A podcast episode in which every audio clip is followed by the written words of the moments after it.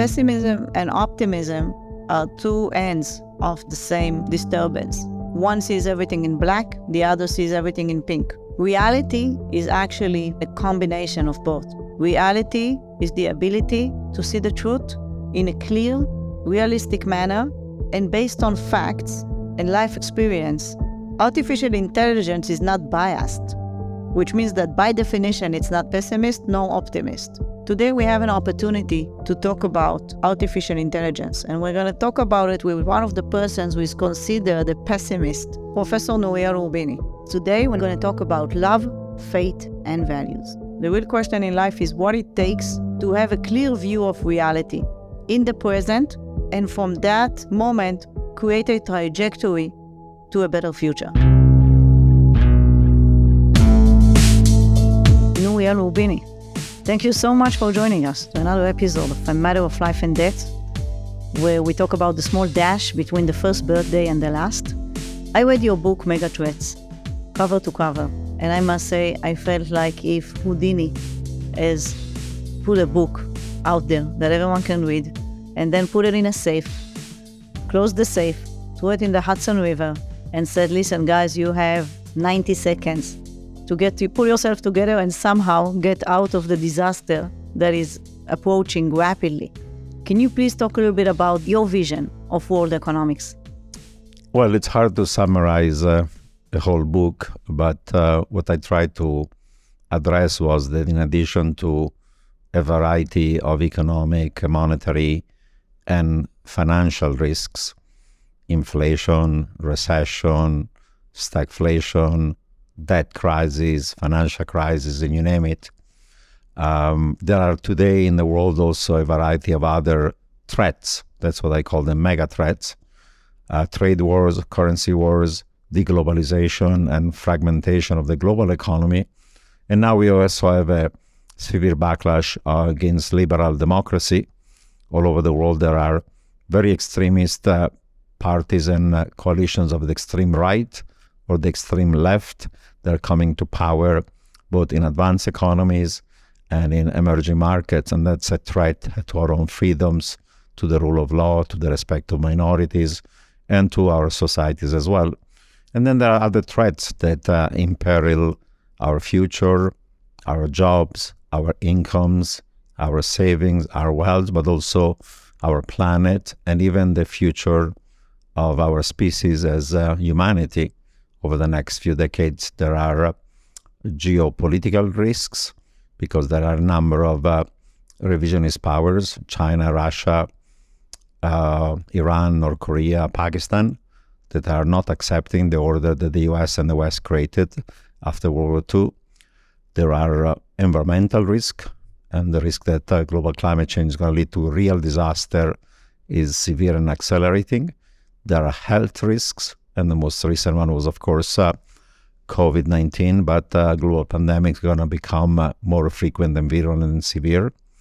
There are technological risks because uh, while artificial intelligence, machine learning, robotic, and automation can change the world for the better in many ways, increase the economic pie, they lead to permanent technological unemployment, they lead to increase in income and wealth inequality and may, they may even lead to the end of our species, uh, sapiens, under some scenarios and circumstances.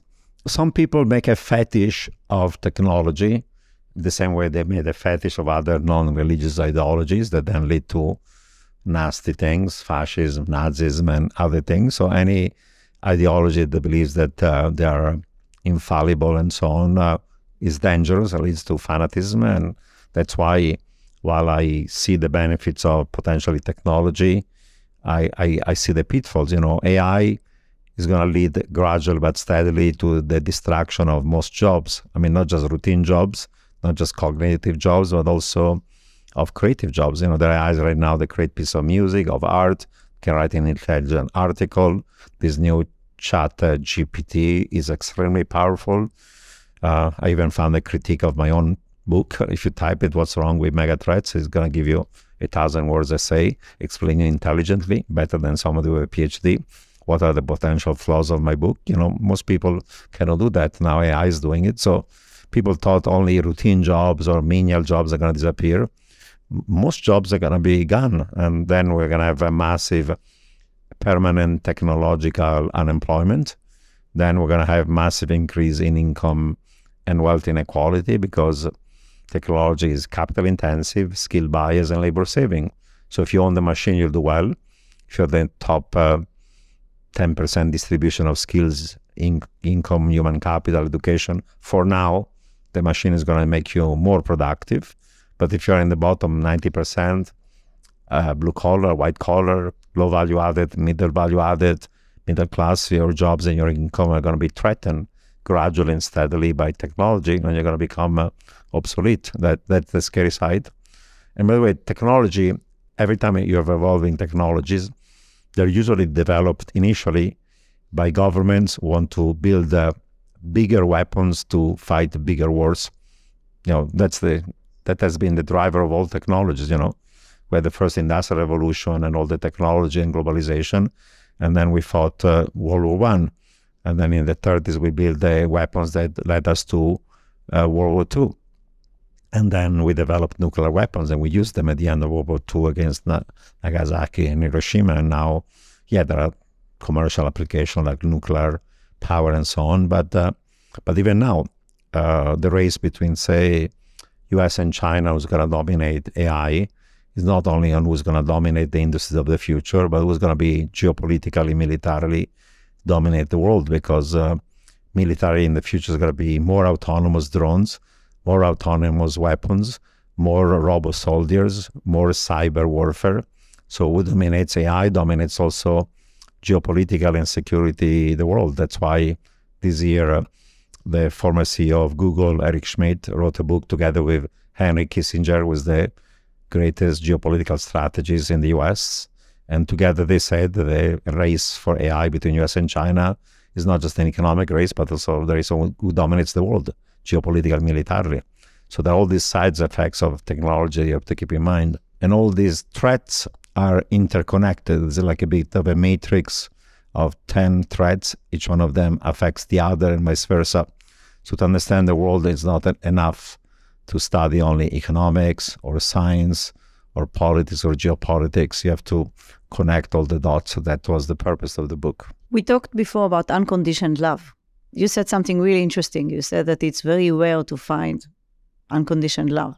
You said that maybe AI, robots, whatever we'll use, will get, will learn our behavior and will give us or substitute for human relationships. Um, Can you explain that a little bit? Yeah, that's uh, certainly a possibility. Um, well, you know, it's uh, rare, if not impossible, to have uh, unconditional love. Some people say pets, a dog or a cat can do so, but e- even your children don't give you unconditional love, and any human relation um, whether you like it or not, uh, has some elements of conditionality.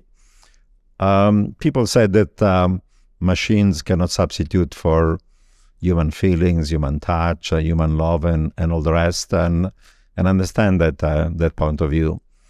Uh, but even those things can change over time. You know, in Japan, where there is not enough uh, young people to take care of the elderly, and there is strict migration, there are robots now that are caregivers and they are increasingly even emotionally intelligent. You know, if you're unhappy, they can see and perceive that you are, and they make a sympathetic face and they ask you what's wrong and so on. If you're happy, they smile and they have empathy that way. I mean, most human beings are are not able to get those nonverbal cues about when somebody is unhappy or happy, and then find the right words or way of relating to it. So we think that robots cannot do it, but maybe it can be as emotionally intelligent or more emotionally intelligent uh, than humans. You know, there are of course uh, uh, pet robots that you know they give you that type of affection. Uh, maybe some of them might eventually be able to talk to you as well, ways that pets don't, and so on. And even anything to do with uh, love and romance. You know, people live online in a relationship that are totally virtual with people that uh, may or may not exist and uh, get involved and they get attached. Uh, there's a whole subculture in Japan of men uh, who have these, uh, how to say, online girlfriends, and you have to take them out and dine them and wine them and try to be nice to them. Otherwise, they'll break up with you. And people fell in love, and they create these communities, and they have their own conferences every year of exchanging tips on how how you try to maintain an online girlfriend is just an avatar. I mean, it's weird, but there thousands of people that live those virtual lives. So now with Web 3.0 and Metaverse and so on, uh, interacting with uh, online people that may or may not exist uh, may become the norm. It's, it's not my cup of tea, I must say.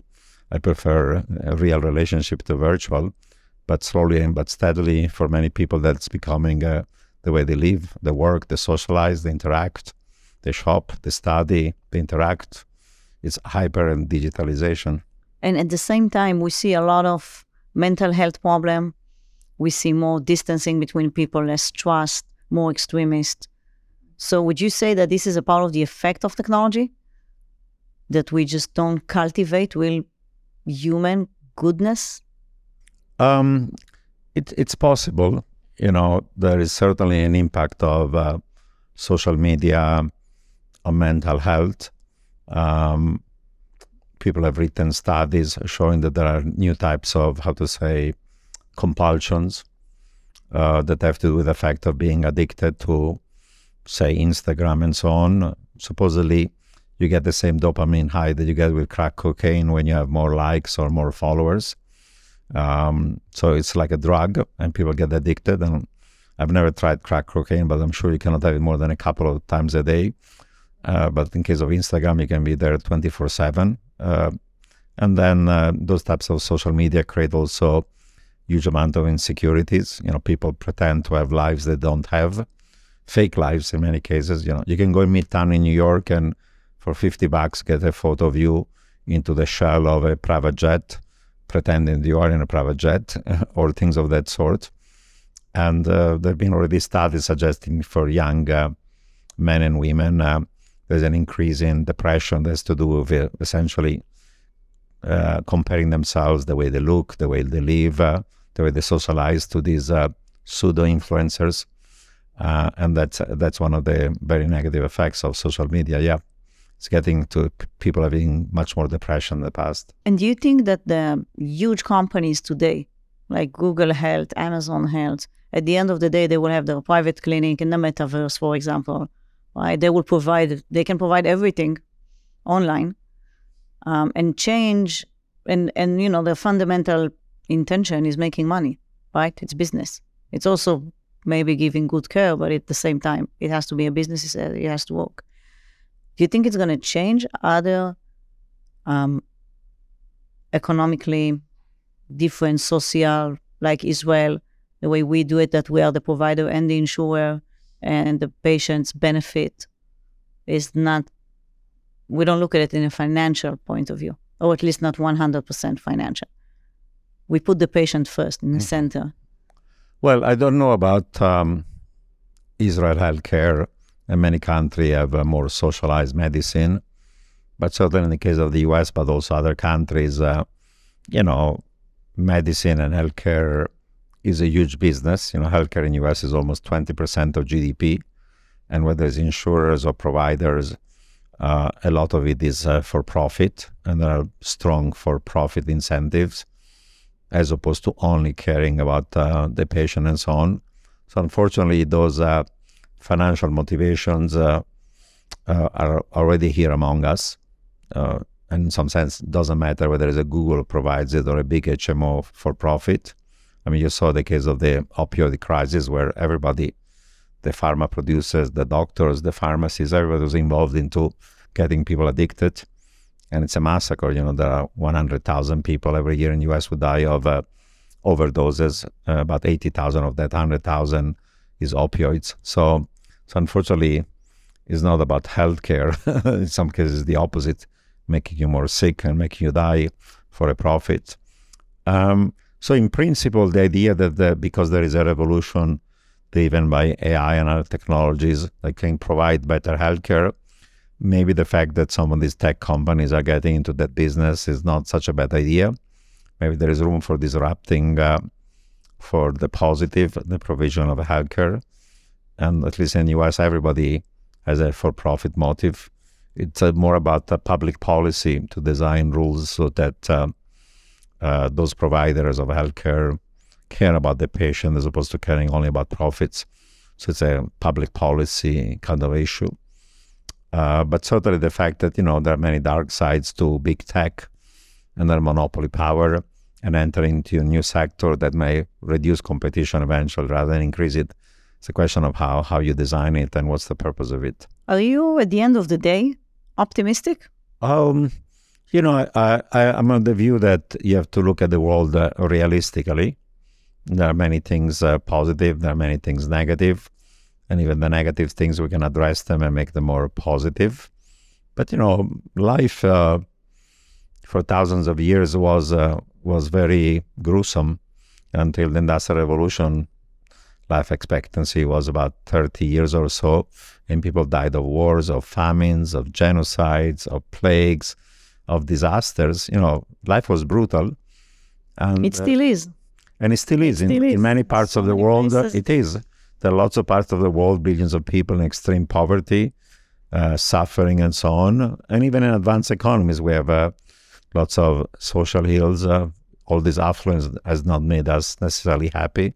The economic studies suggest that when your income is very low, there is a correlation between increasing your income and happiness. You know, you have to fight every day to find food or water or shelter or not being killed by animals or humans. Uh, it's a brutish life, and therefore, having those basic things of life uh, makes you happier and less stress. But above a certain level of uh, income and wealth, uh, the correlation between uh, happiness and income uh, is zero, sometimes negative. You know, I know plenty of billionaires that are unhappy, cranky, depressed, depressing, in spite of having the mansions, the boats, the jets, everything. So the best things in life probably they give you real happiness and not necessarily things you buy, material things, but uh, friendship, love, uh, care, compassion, companionship, community, sense of belonging, sense of meaning, sense of contributing to other people, not just to yourself. So those things are usually priceless and are totally uncorrelated with uh, economic and financial success. And at the same time, you are saying that robots will be able to provide it. That's like amazing. I, the idea, it's like such a dissonance between the two.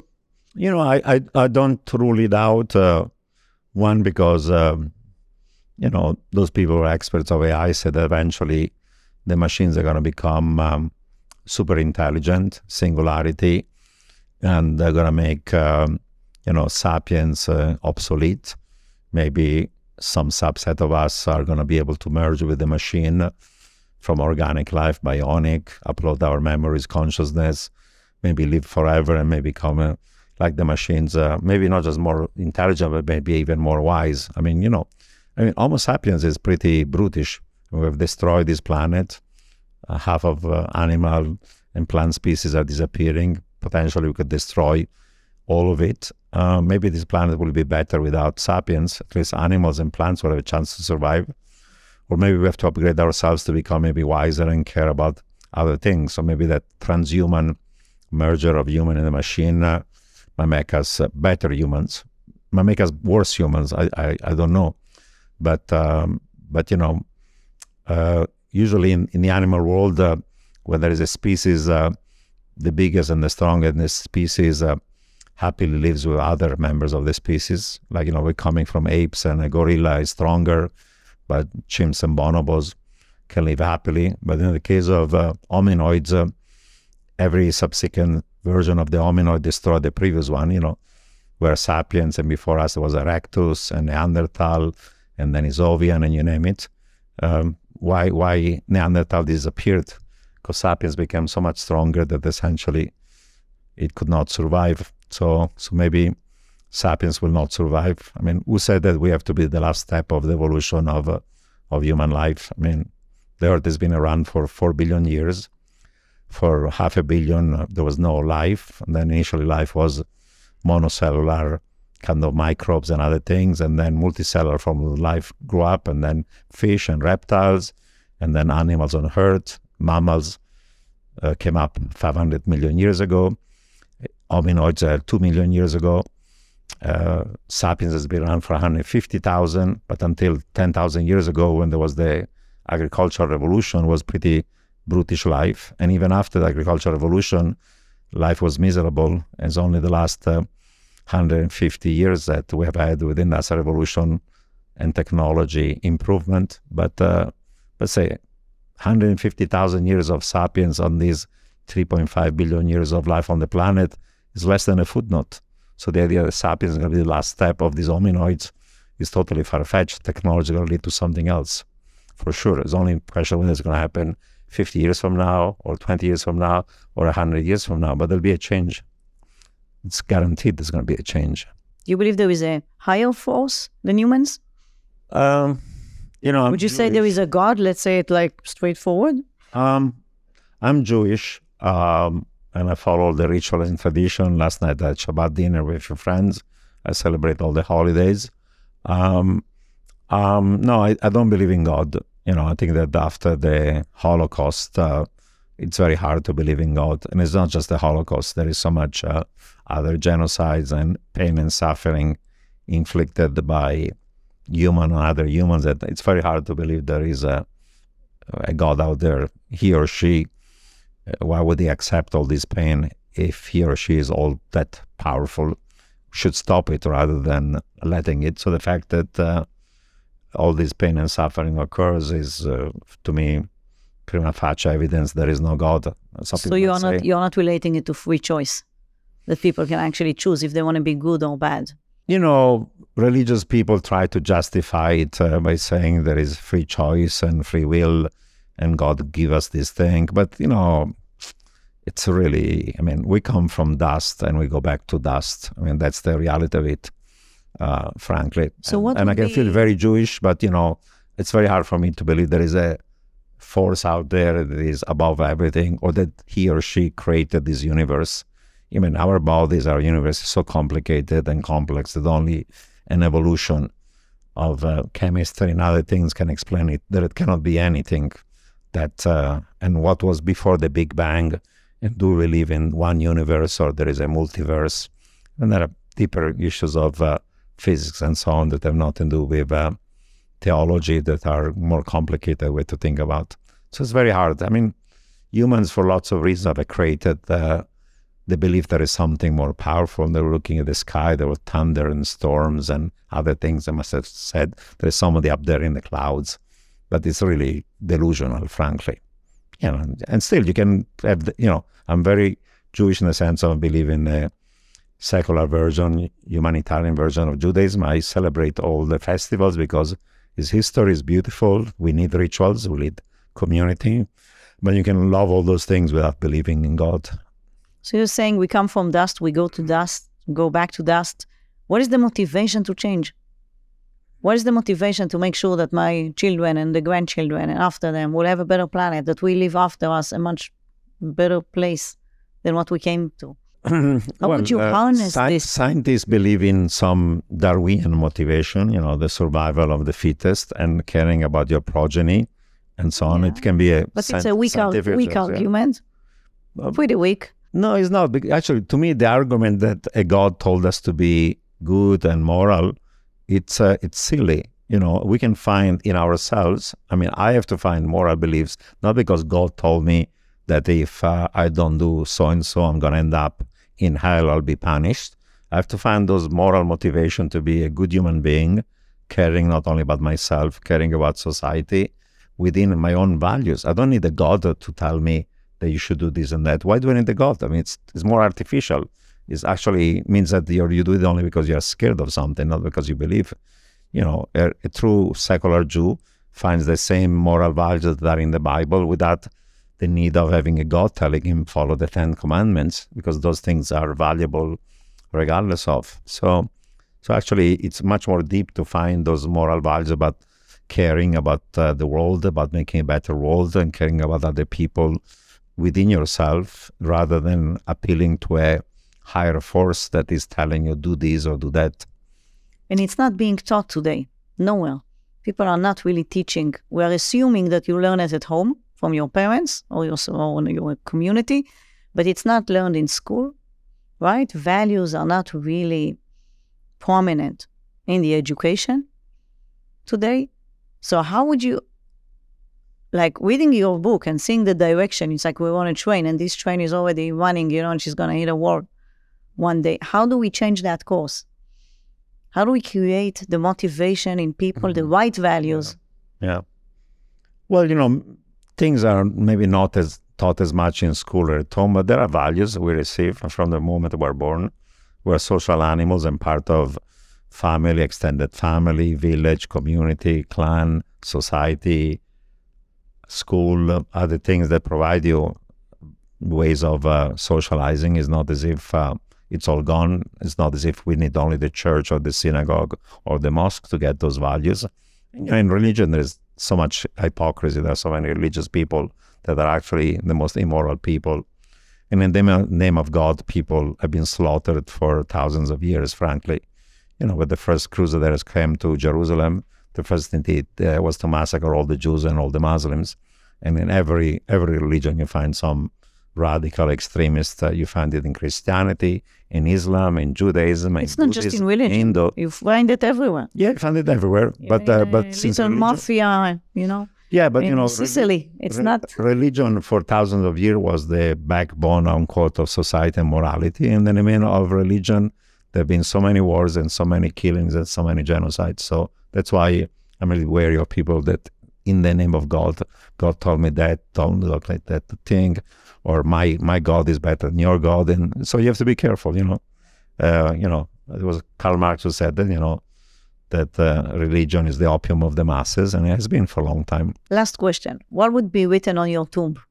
Uh, I haven't thought about it, but uh, uh, something along the lines uh, he cared about the, making this a better world or something like that, because that's what uh, more than anything else drives me, really. See, even after you read the book, at the end of the day, you are so optimistic. The way I see it, I know that you're saying realistic, but there is such an optimism, in- like in the personal meeting, there is such an optimism radiating from you. Although we know the train is going in the wrong direction. Yeah, you know, in my positive life, uh, you know, I spend my entire days interacting with other people, engaging them in conversations about the world, but also sharing meals, sharing, uh, going to art and culture and music together. You know, I do Shabbat dinners, I do Kabbalah nights on Monday nights, I do book salons and events. Uh, and, you know, I create community and I care about people and people care about me. It's like an extended family. So, you know, those are the things that give you pleasure in life and make you positive, optimistic, even if the world out there is a bit dark right now. But um, no, you should never give up on trying to make it better from the small things you do to the bigger ones as well. So, in your personal life and also being engaged, uh, I was involved into government and to other things in public policy. So, but you know, changes start at the small level all the way to the big level. Thank you so much for having us. Thank you so much for this talk. It's really interesting and it's really time to wake up. It's like a wake up call.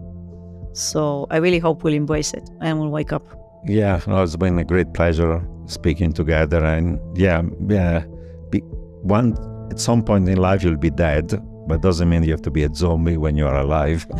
many people and many society live like zombies, so we have to live life to the fullest, and then maybe we die. We die in the right way rather than living a zombie life and zombie societies. Absolutely. So that that's the call out to action. So Absolutely. Thank you so very much. thanks you.